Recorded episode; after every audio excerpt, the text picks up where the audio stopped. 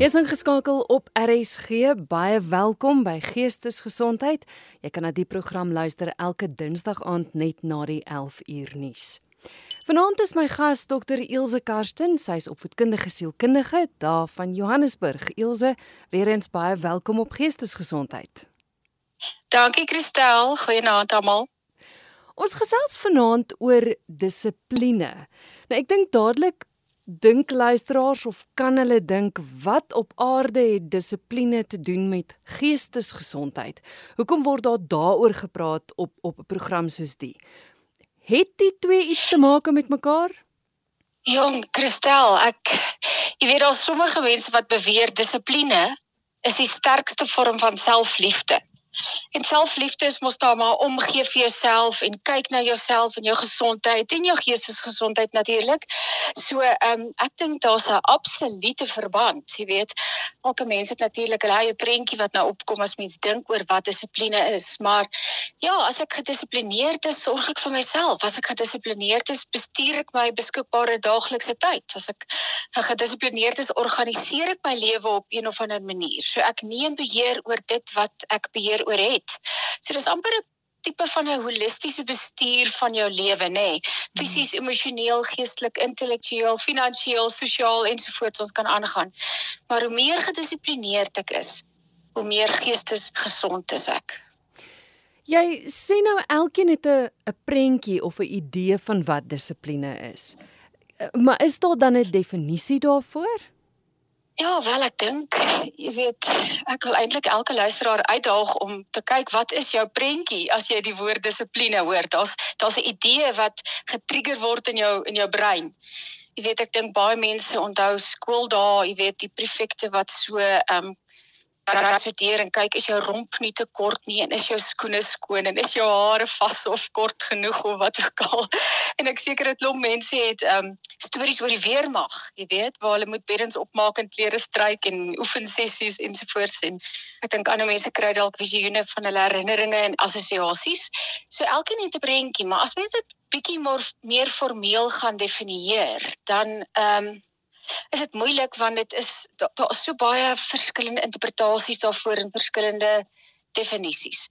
Maar ek dink vir die doel van vandag in ons konteks is dit maar 'n georganiseerde voorgeskrewe patroon van gedrag. Nee, dit maak tog redelik sin. Georganiseerde voorgeskrewe patroon van gedrag. So so as ek dink oor die definisie en en dit bietjie probeer interpreteer, dan gaan dit daaroor dat daar reëls is, nê. Nee, as ek oor 'n georganiseerde omgewing praat, 'n voorgeskrewe omgewing, dan moet ek mos praat oor reëls. Daar's daar's tipe reëls. Ehm um, en ek dink vir ons 'n gesprek vanaand is dit ook kan ons sê reëls is grense. As jy dink aan 'n sport, kom ons kyk sommer rugby want ons het nou lekker die skotte gewen. Daar's 'n veld waar buite nie gespeel word nie. Mens moet binne die die die die lyne bly nê. Nee, hmm. Daar's reëls vir afskop en reëls vir die skram en reëls vir uitgee en skop en druk ensovoorts. So as ek buite hierdie reëls optree, buite hierdie grense optree, wat gebeur? Ek word gepenaliseer. OK? En ehm um, en dit is 'n definitiewe straf. Dit is nie sommer net o, jy het 'n fout gemaak, kom ons kyk wat gaan ons nou hier aan doen nie.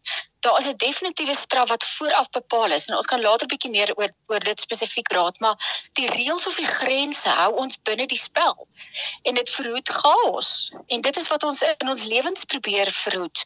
Ons moet reëls daar hê en grense daar hê wat ons nou dissipline noem om ons binne die spel 'n gesonde spel van die lewe te hou om ons geestes gesond te hou dat ons verhoed dat ons lewens buite beheer raak of in chaos verval. So hierdie reëls en grense antwoord eintlik die vraag van hoekom is dit nodig ja. sodat ons die lewe kan geniet, sodat ons geestes gesond kan bly, sodat ons die spel kan speel op 'n georganiseerde manier, nê. Nee, iemand hmm. sê Abraham Lincoln sê discipline is choosing between what you want now and what you want most. So dis daai hoekom, hoekom wat soek ek en hoekom soek ek dit? Ek kyk natuurlik na dissipline uit die oogpunt van van 'n ouer want ek het 'n kind. En en ek ek weet een van die goed wat ons geleer is is jy moet konsekwent wees. Geld dit vir alle forme van dissipline is dit een van die goue reëls kan mens amper half sê. Kristal, jy kan nie meer reg wees nie. Dit is 'n goue reël. In my in my opinie is daar twee goue reëls en konsekwentheid is die heel eerste een daarvan. Nou wat beteken dit? Dit beteken ek moet deurlopend dieselfde reëls toepas en dieselfde grense stel, nê. Nee. So ons kan nie hierdie Saterdag die rugby op so 'n manier interpreteer en volgende Saterdag is daar nuwe reëls nie. Hmm. Ek kan nie vandag vir my met my kind raas as sy voete op die bank is, maar môre is dit aanvaarbaar nie. Ek kan ook nie en dis baie belangrik van my kind verwag om sy of haar groente te eet byvoorbeeld, maar ek eet nie myne nie. So daar's ook 'n tipe van 'n konsekwentheid en 'n rolmodel wat ons wat ons daarmee inwerk, nê. Nee. Hmm. As jy dink aan 'n werkskonteks, jy weet wat vir een werknemer geld, moet tog ook vir 'n ander werknemer geld. En ek weet daar's verskillende vlakke van posisies ensovoorts. Ehm um, maar die pandemie het baie duidelik ook vir ons gewys dat daar baie ontwrigting kan kom wanneer daar 'n gevoel is van onregverdigheid of jy weet een persoon word beter of anders hanteer as iemand anders en mense raak ongemaklik daarmee.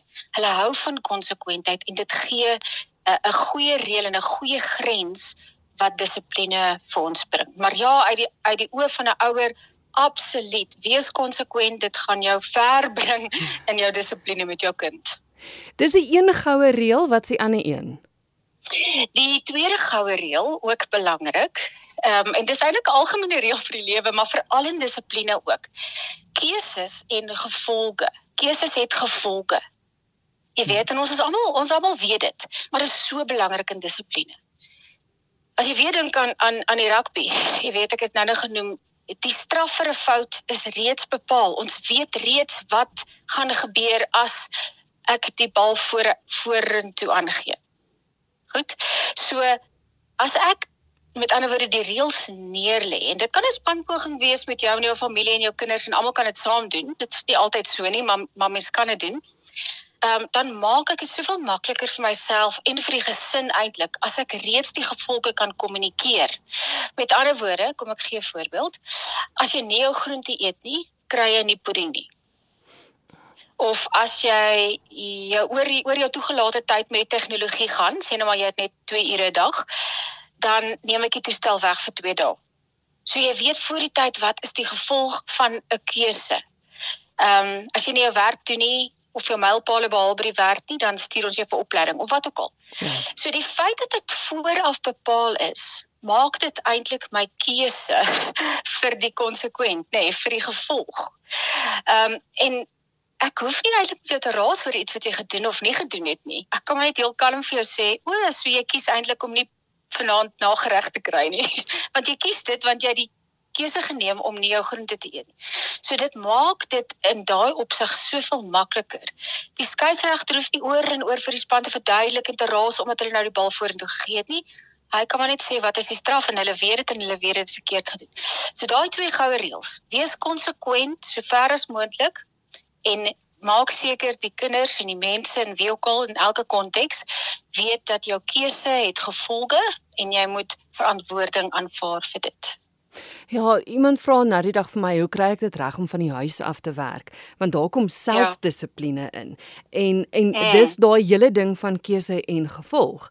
Ek besef dat as ek nie nou gaan moet doen wat ek moet doen nie, dan gaan ek vanaand tot laat moet sit en werk of ek gaan nie vanaand 'n fliek saam met my man kan sit en kyk nie. So dis heeltyd daai en ek dink dit help nogals vir um, selfdissipline as jy van die huis af werk om te besef daar is 'n gevolg as ek die verkeerde keuse maak. Ja, en dit is dit is ook 'n belangrike ding in in besluitneming in die algemeen of mm. probleemoplossing. Jy weet ek mm. kyk altyd na wat is die moontlike gevolge van my keuse? Ehm um, en dan moet ek kies watter een dink ek is die mees realistiese. Ehm um, en watter een kies ek dan? Jy weet ons keuses is mos nou nie altyd tussen reg en reg en sleg en goed en sleg en is nie altyd so maklik nie. Partykeer is dit baie meer gekompliseerd en dan hmm. moet ek sê okay maar ek dink hierdie keuse gaan my na hierdie gevolg lei. Ek dink hierdie keuse gaan my na hierdie gevolg lei. Ehm um, maar as ons praat oor 'n oor 'n dissipline in 'n huis byvoorbeeld of in 'n skoolkonteks, dan as mens reeds weet wat die gevolge gaan wees. As ek nie my huiswerk doen nie, gaan ek môre na die hoofse kantoor toe, dan weet ek mos ek kies dit. Hmm. Jy weet so absoluut, dis dis baie belangrik. Ek het nou reddag met iemand 'n gesprek gehad en toe sê die persoon vir my dat hulle het navorsing gedoen en bepaal dat afhangend van 'n persoon se persoonlikheid hang dit af hoe hulle 'n trauma hanteer. Ek het dit 'n hele paar keer al in van my programme met van die spesialiste en terapeute en goed agtergekom. Maar nou is my vraag, as mens kyk na dissipline, het persoonlikheid ook iets daarmee te doen? Ja, ek dink eintlik enige iets wat mense in die lewe hanteer, het te doen met jou persoonlikheid. Eh, en meer is dit, meer is jou persoonlikheid, maar veral jou persoonlikheid. Jy weet, baie mense is natuurlik georganiseerd georganiseerd. Hulle het daai steek in baie mense is selfs perfeksionisties. Mm. En ander mense is nou weer baie meer verstrooi. So jy kan nie heeltemal van iemand verwag om alles so perfek te doen soos jy dit verwag in die huis byvoorbeeld. Jou kinders moet daar mag nie 'n uh, skoen rond lê nie want dis hoe jy is. Maar hulle is dalk nie so nie. So persoonlikheid speel 'n rol daar. Ewen en En nog verder is dit baie mense is meer emosioneel as ander mense of meer sensitief in hulle persoonlikheid. En dit maak dit moeilik vir ook in 'n werkskonteks. Jy weet, as 'n bestuurstyl byvoorbeeld een van ernstige dominansie is en ek het in gebied almal en ek sê net wat moet gebeur en ek draai om en ek loop en ek het nie regtig 'n koneksie met my met my spanmaats of met my ehm um, span nie dan gaan baie mense dit fantasties ervaar want hulle is hier om te werk en ek wil net weet wat om te doen en ek volg die reëls of die uitdagings of wat ook al ek moet doen. Maar ander mense voel maar, ag, kan hy nie maar net dankie gesê het vir hierdie werk wat ek gedoen het nie of het hy ooit gesien ek het dit so goed gedoen? Jy weet, so baie mense het daai daai behoefte om meer erkenning te kry ensovoorts. En dis alles deel van die persoonlikheid. Maar ook ander goed, jy weet, belangstelling en passie. Dink aan 'n kind wat huiswerk doen. Dink nou aan jou kind weet as hy met huiswerk doen en daar's iets wat hy regtig nie van hou nie en nie in belang stel nie, dan gaan hy dit los vir laaste en hy wil dit nie eintlik doen nie en hy of hy doen dit so vinnig en jaag dit af. Maar as kinders gebelangstel in iets en dit hulle voel hulle het 'n passie vir dit en dit is vir hulle lekker, dan wil hulle sommer meer en meer van dit doen. Jy weet, en baie keer gaan dit ook oor die verhouding met die onderwyser natuurlik en hulle wil iemand beïndruk ensovoorts. Ehm um, Maar ja, dit dit gaan oor 'n klomp van daai goed. Aanleg, hoe beter ek is met iets, hoe makliker gaan dit vir my wees om te doen. Ehm um, en natuurlik iets soos 'n ouderdom van die kinders of mense of ontwikkelingsfase, jy kan nie eintlik van 'n kind verwag om iets te doen wat hulle nog op 'n meester het nie. Jy weet so, daar's 'n daar's 'n klomp goeie saam met persoonlikheid wat hier 'n rol speel in dissipline. Hoe rol speel dit oor die huis waarin jy groot geword het? Want ek weet baie van ons het op 'n stadium in huise groot geword waar jy net gesien moes word en nie gehoor moes word nie. Ons het regtig in 'n tyd sommiges van ons groot geword waar dissipline baie strenger was, ek dink as wat dit vandag is. Hoe rol speel hoe jy groot geword het in hoe dissipline gehandhaaf word? Ja, dis so 'n groot rol. Jy weet ons is maar almal of naapers of ons is rebelle. Jy weet ek dink as as kinders gewoonlik in hulle ouer huise dink dan doen hulle dieselfde wat al die tyd gedoen is of hulle rebelleer totaal en al teen dit en ek gaan net nie soos my ma of my pa optree nie, jy weet. maar die blootstelling wat ons gehad het, het natuurlik vir ons 'n fondasie gegee van hoe ons dink dinge moet gedoen word of nie gedoen word nie. En daai rolmodel is diep vasgelê in ons. So ehm um, jy weet dit is dis definitief belangrik. Ek dink ons het in 'n selfde tipe huis groot geword waar kinders gehoor moet word en nie gesien moet word nie. Ehm um, maar dit is nie meer deesdae so nie. Daar's 'n groot verandering in kinders wat wat nou groot word in die die nuwe generasie.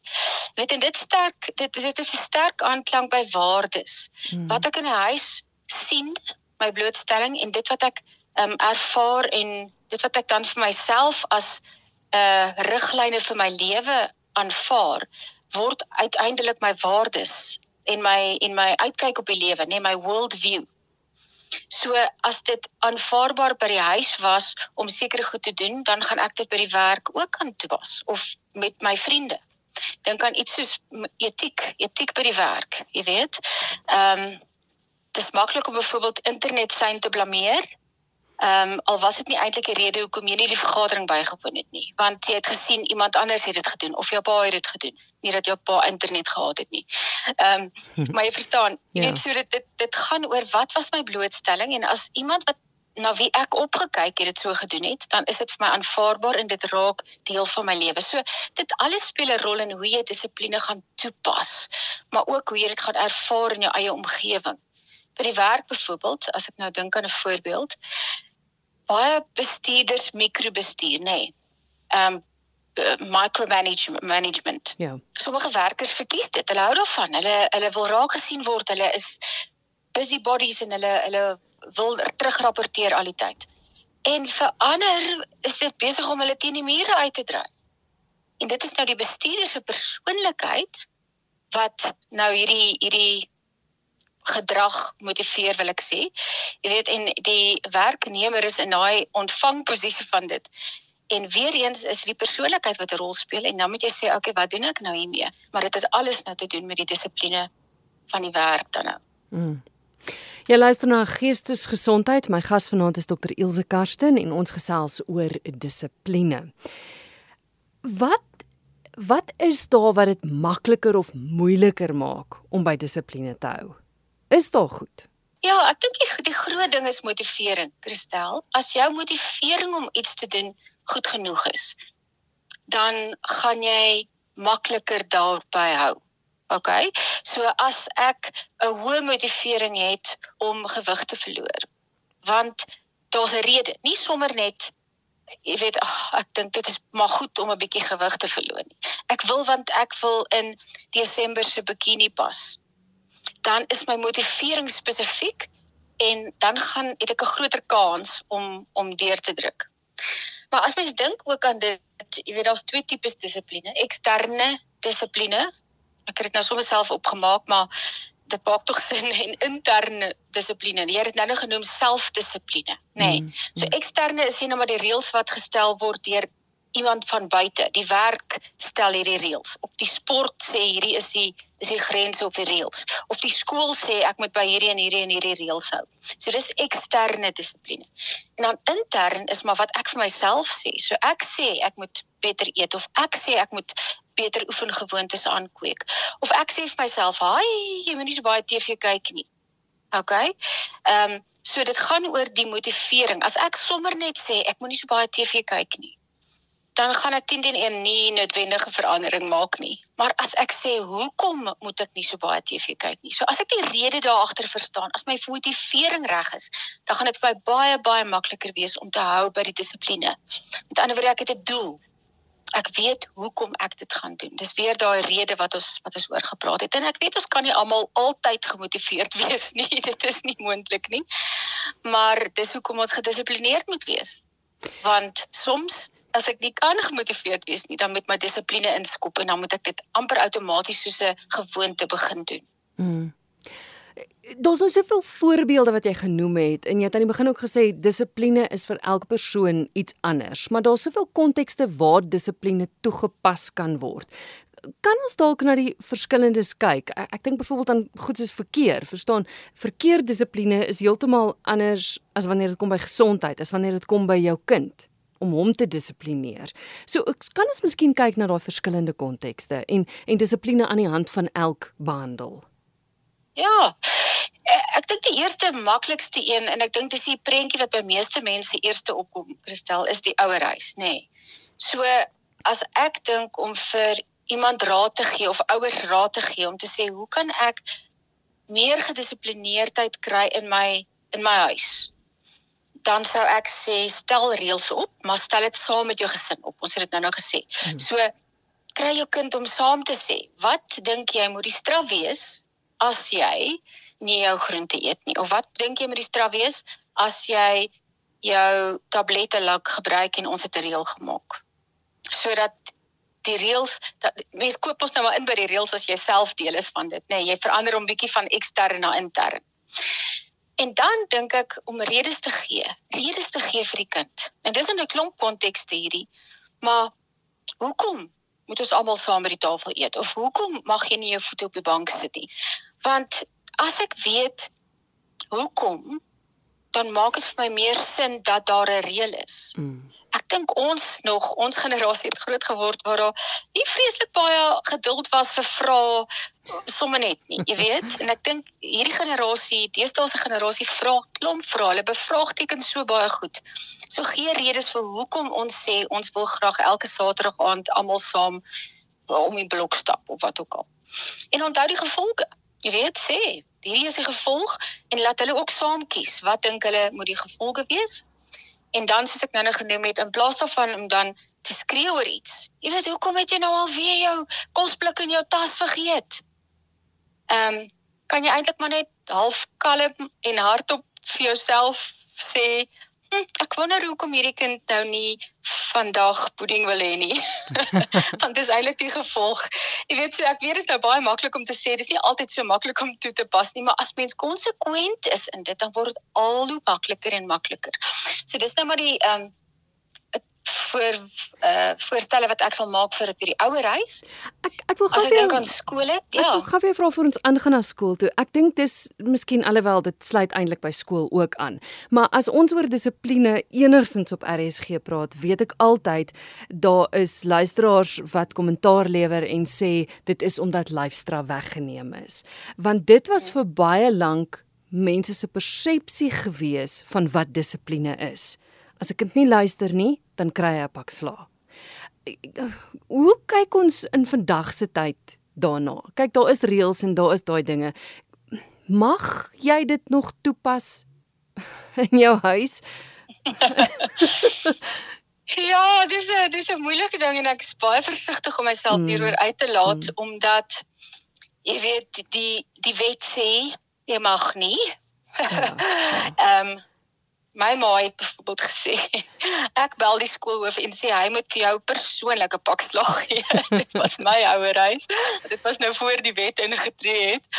Ehm um, maar jy weet en, en baie mense haal die Bybel aan en sê jy weet jy moet jou kind 'n goeie pak slag gee as hy as hy stout is.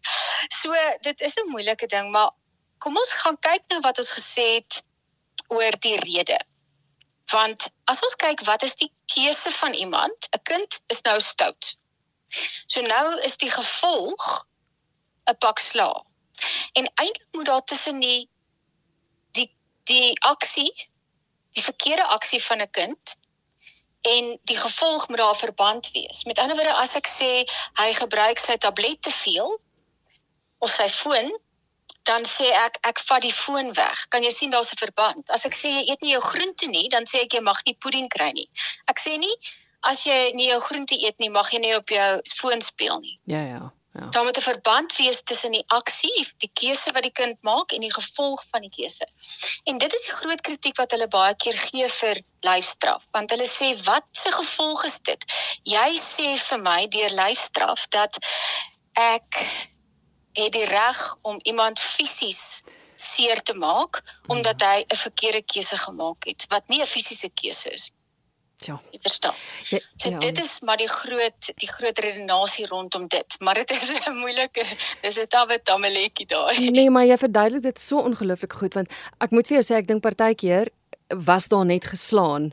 Ek dink omdat ouers nie andersins geweet het wat om te doen nie. En en baie ouers het dit te ver gevat. Ek dink dit is ook waarom die wet ingestel ja. is. Ehm um, ja. dit is dis regtig. Dit dit dit het gevaarlik geraak. En ek wil tog net voor ek aangegee word deur luisteraars, ek slaan nie my kind nie. Dis hoekom ek nie hierdie vraag vra nie.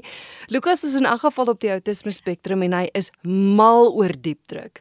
So hy hy sou verkies as ek hom slaan, maar uh, ja, met hom werk dit nie. So so ja, asseblief moet my nie gaan aangee nie. Dis nie hoekom ek die vraag gevra het nie. OK, dit, dit ons gaan nou ja. oor na skool toe. Want ja, ek het baie onderwysers, onderwyservriende en ek dink hulle het deesdae eh, 'n baie moeilike tyd. Ja, want kinders kan vir die geringste ding, ek meen daar is nie meer respek vir onderwysers kom ek agter in skole nie en ek veralgemeen nou, maar hoe hoe moet dissipline hanteer word in skole? Ja, jy sien, dit is 'n baie baie moeilike ding en ek is nou eintlik in my wese onderwyser en ek is mm. regtig ek moet erken, ek is te bang om by skool te gaan aansoek doen om enigsins daar wat te werk. Ek dink daar ek haal my hoed af vir daai onderwysers. Dit is dit is nie 'n grap nie. Ja. Maar ek dink ook as ek 'n wenk moet gee, weer eens, baie kinders verstaan nie die redes agter 'n sekere reëls nie. Jy weet, so as ek verstaan hoekom moet ek hierdie vak doen? Hoekom moet ek my hare vasmaak? Hoekom mag ek nie my klasmaat vra vir die antwoord nie? Hoekom kry ek huiswerk? En ek weet nie of daar antwoorde is vir al hierdie vrae nie, maar 'n kind soek 'n antwoord, want as ek kan verstaan hoekom ek iets moet doen, dan gaan ek dit mos met baie meer liefde doen. Ja. Ehm um, en as jy nie 'n goeie antwoord kan gee as 'n onderwyser nie, gaan herdink die reël.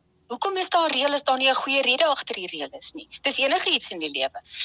So as ons dink aan dissipline, jy weet ek dink skole, onderwysers, skoolhoofde, hulle sukkel verskriklik.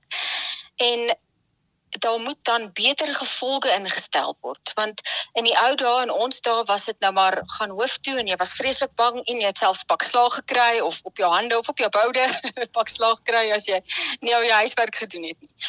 En dit kan nou nie gebeur nie. So nou moet onderwysers in skole eintlik regtig kreatief gaan dink om te sê maar wat wat se goeie gevolge kan daar wees sodat ons nommer 1 die kind kan ehm um, motiveer vir dissipline. Nie net dissiplineer nie. Jy weet ek dink jy moet sê dissipline het baie keer 'n negatiewe gevoel aan dit en dit is nie so nie.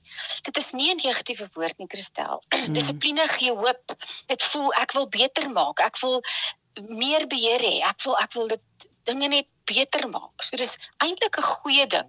Maar die konnotasie wat mense daarin het, is negatief omdat hulle al so baie negatiewe ervarings daaroor gehad het.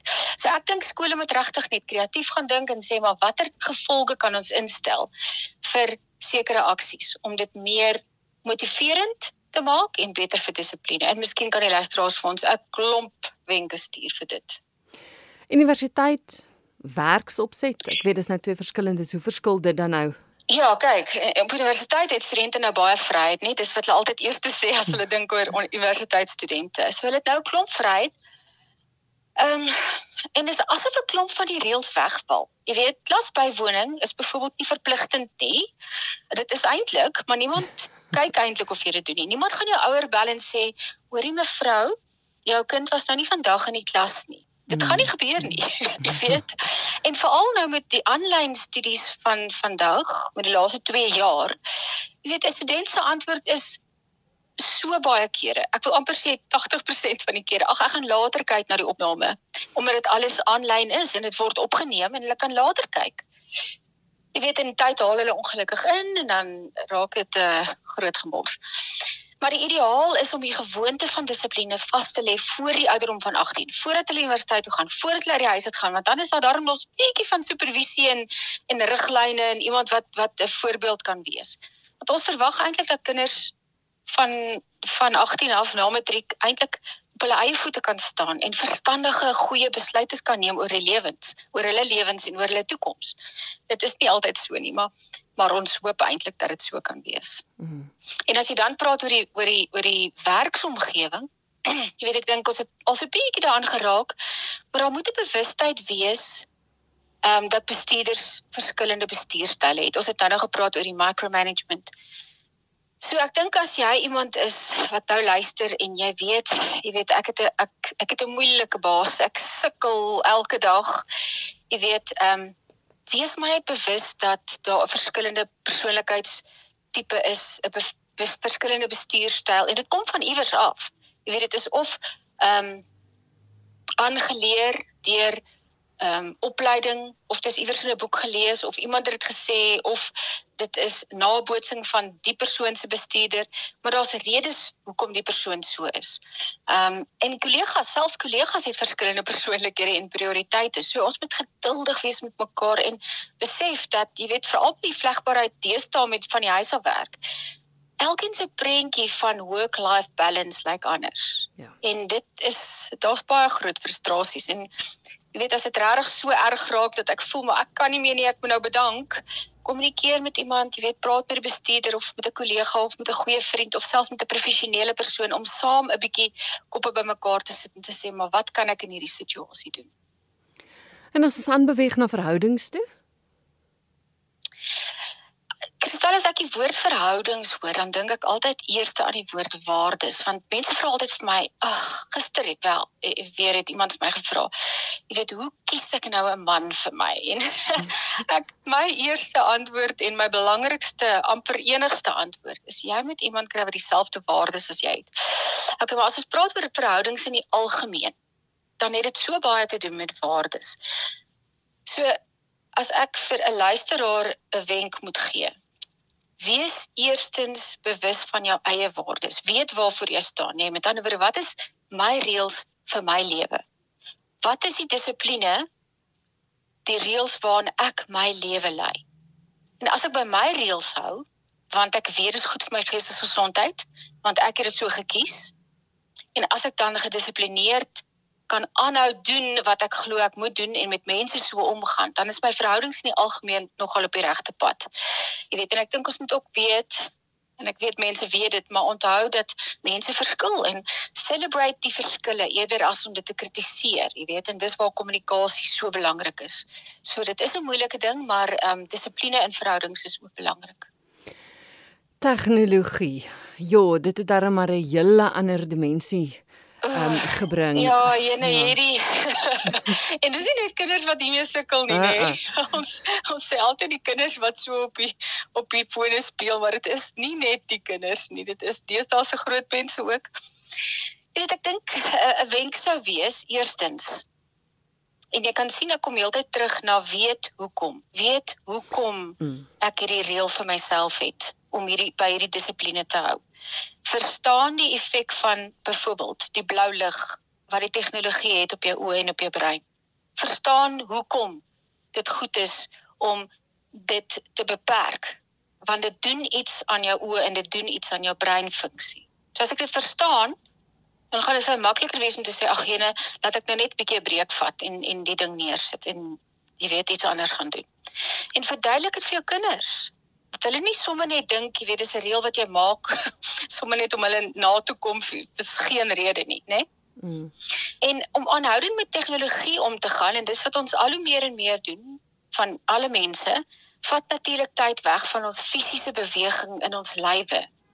Net so ek moet vir myself sê, staan op, vat 'n breek, strek 'n bietjie en en weet as jy iemand is wat vreeslik baie voor die rekenaar sit, maak seker jy het 'n skerm wat goed is vir jou oë. Mens kry mos die blok vir die blou lig. En maak seker jy het 'n goeie stoel en maak seker jy het water by jou en jy staan gereeld op. So sulke goeders is eintlik maar dissipline wat jy vir jouself inbou in jou gewoonte met tegnologie. Want ons kan nie net sê ek gaan nie op die rekenaar werk nie, maar ek het goeie dissipline om 'n paar reëls toe te pas om dit vir myself beter en makliker te maak. Hmm, en dit sluit so aan by die volgende een. Moenie nog 'n koekie eet nie. Eet eerder jou groente. Klim op die fiets, gaan stap. Gesondheid. Presies. Ek weet ek wonder hoeveel boeke is al geskryf oor die jare oor die ete en gesondheid, nê? Nee?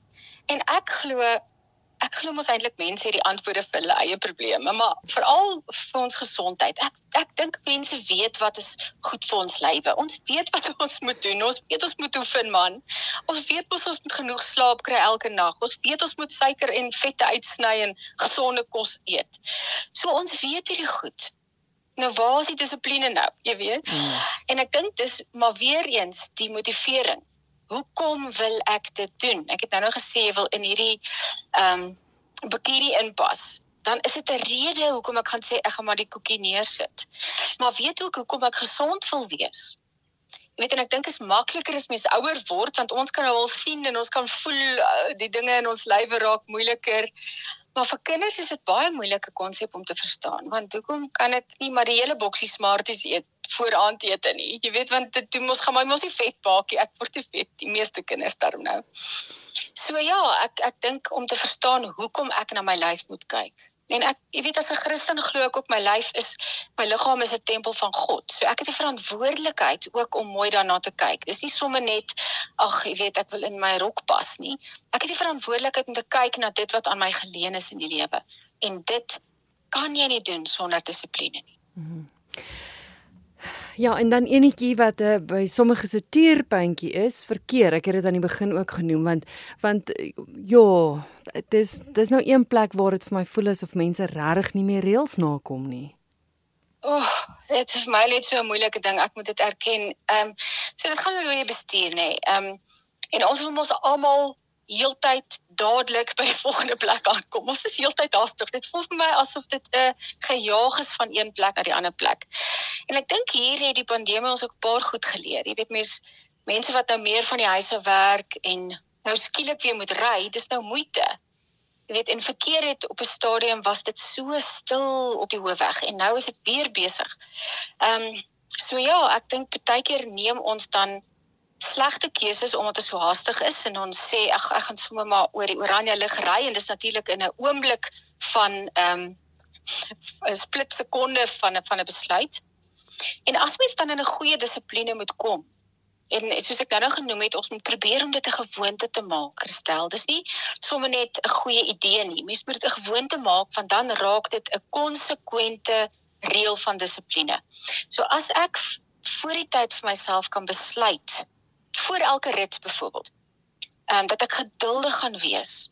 Dat ek gaan dink voor ek doen, dat ek versigtig gaan ry, dat ek nie die reëls van die verkeer gaan oor oortree nie. Met ander ek gaan nie te vinnig ry nie. Dat ek vir ander mense gaan dink, dan gaan ek meer gedissiplineerd kan bestuur en by die reëls hou en veilig bly hopelik. En dis is natuurlik ook 'n manier om 'n rolmodel te wees vir die mense in jou kar, jou kinders. So jy bestuur, gaan hulle sien. En as jy kansse vat, gaan hulle teen teen eendag ook kansse vat want hulle hulle doen wat hulle sien. Mm. So dis 'n dis dis maar 'n groot besluit daai. En en ek het nou ook sommer aan gedink aan iets soos finansies. Jy weet mm. om finansiëel gedissiplineerd te wees. Jene finansies veroorsaak so baie stres by mense. En ek dink ons almal kan identifiseer met finansiële keuses wat ons wat ons baie keer maak of verkeerde keuses wat ons al in die verlede gemaak het. So die dissipline van spaar. uh, ek weet hulle hulle sê ons Suid-Afrikaners spaar nie eintlik, maar daai dissipline, ek dink is een van die grootste geskenke wat jy vir jouself kan gee is om finansiëel ehm um, goeie dissipline te hê en te spaar. Want dit spaar jou so baie stres later. Ehm um, en en stres is sleg vir jou geestelike gesondheid. So as ek kies om goeie gedrag rondom my finansies te hê, dan kies ek eintlik om goeie geestesgesondheid toe te pas op my lewe, jy weet. En ek dink dan maar selfs aan aan kinders. Ehm um, wees oop met jou kinders oor die finansies. Ek sê nie jy hoef alles te deel nie, maar laat hulle goeie vroeë blootstelling hê aan goeie ehm um, manier van finansies hanteer. Geef hulle sakgeld en ehm um, probeer vir hulle riglyne gee oor wat hulle self moet koop. Ek het 'n vriend wat ehm um, vir hulle kinders 'n 1000 rand 'n maand gee. Ek weet nie of dit nou al opgegaan het intussen nie, maar hulle moet hulle eie badkamer goedjies koop en hulle moet hulle eie klere koop en hulle moet self spaar en hulle moet ehm um, hulle word ook geleer om vrygewig te wees. Hulle moet hulle eie begroting opstel. Hulle kan nog werk vir 'n bietjie ekstra geld. So dis is goeie riglyne wat ouers kan toepas om 'n kind te help om gouer ehm um, finans finansiëel slim te raak. Jy weet ek sien op universiteit waar ek nou is by Johannesburg. Studente sukkel. Jy ja. weet hulle 10 teen 1 nog nooit hulle eie finansies gehad nie of klein bietjie. Nou kom hulle en 'n beurs gee byvoorbeeld vir hulle 'n 'n 'n paar rand 'n maand of hulle moet hulle eie huur betaal. Dit is 'n moeilike ding vir hulle as jy nog nooit dit gedoen het nie. En nou ewe skielik op 18 of 19 moet jy dit vir eerste keer doen. So hoe gouer ons ons kinders kan leer en self daai blootstelling gee, hoe makliker maak ons dit vir hulle. Ilse het weer eens sulke praktiese raad gegee wat ek dink mense so koppe net so bietjie laat skuif het en en jy weet laat laat dink het ja, maar dis iets wat ek kan toepas. So opsommend. Wat wil jy vir die luisteraars sê? Ja, ek sou sê begin om te identifiseer waar jy meer dissipline nodig het. OK. So kyk in jou lewe. Ons het nou nou gepraat oor holisties. Kyk na al die afdelings van jou lewe en sê waar dink ek het ek nodig om bietjie meer dissipline te hê. So identifiseer dit eers. Goed. Nommer 2 sê vir jouself hoekom? Hoekom moet ek meer dissipline hê? Wat gaan dit vir my doen? Met ander woorde ons raak aan daai motivering, nê? Nee. Mm. En dan kan jy vir jou sê hoe. So ek raak ontslaaf van al die afleidings wat jy weet as ek my gewig wil verloor, dan gaan ek nou nie al die sjokolade daar in die kas uitstal nie. So ek raak ontslaaf van die afleidings as ek weet dat ek ehm um, te veel ure op 'n uh, voor die rekenaar spandeer, dan stel ek vir my 'n wekker. Jy weet party mense plak plakkertjies. Jy weet byvoorbeeld in jou kar of op jou horlosie of op jou selfoon of op jou rekenaar. En daai plakker is 'n herinnering om jou aan iets te ehm um, herinner dat o ja, ek moet opstaan. Baie mense stel 'n wekker. So sit vir jouself, kry daai kry daai goeie gewoontes um, in plek om jouself te herinner. En ek sou sê begin klein. Begin klein. Jy weet as jy wil fiks word byvoorbeeld, gaan jy nie môreoggend opstaan en 10 km gaan hardloop. Jy gaan môreoggend opstaan en net een of twee keer om die blok loop. Oor 'n week gaan jy bietjie begin draf, dan gaan jy 5 keer om die blok loop. So mens begin stadig, anders is die motivering so laag, so vinnig, want ek voel soos 'n mislukking. So kry klein klein doelwitte in plek. Skryf hulle neer, maak seker ek het die regte plan en die reëls en die grense reg en dan volg ek daai twee goeie goue reëls, nê. Nee wees konsekwent en maak seker ek weet dat daar gevolge is vir my aksies. En as ek die keuse maak vir iets, dan kies ek eintlik die gevolg ook. En dit hoop ek kan 'n mens motiveer. Wel buite vir die twee goue reëls waarvan ek besonder baie geleer het vanaand. Ek dink die belangrikste wat jy vir my wat jy vir my ook uitgelig het is gee 'n rede hoekom.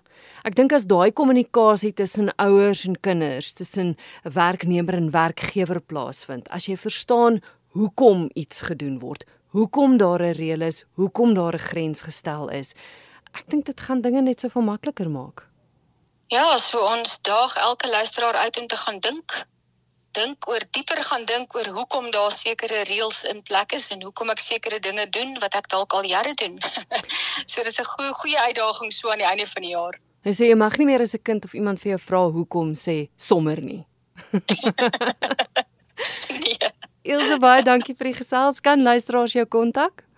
Ehm um, dankie Kristal, dit was heerlik. Ehm um, mense is welkom om vir my e-pos te stuur. My e-posadres is ikarsten@ by uje.ac.za. So dis I K A R S T E N by uje wat staan vir Universiteit Johannesburg.ac.za. My gas in vanaand se geestesgesondheid, Dr. Ilse Karsten, opvoedkundige sielkundige van Johannesburg. Jy kan my kontak by cwebjuber@gmail.com. Groetnis van my en 'n mooi week verder.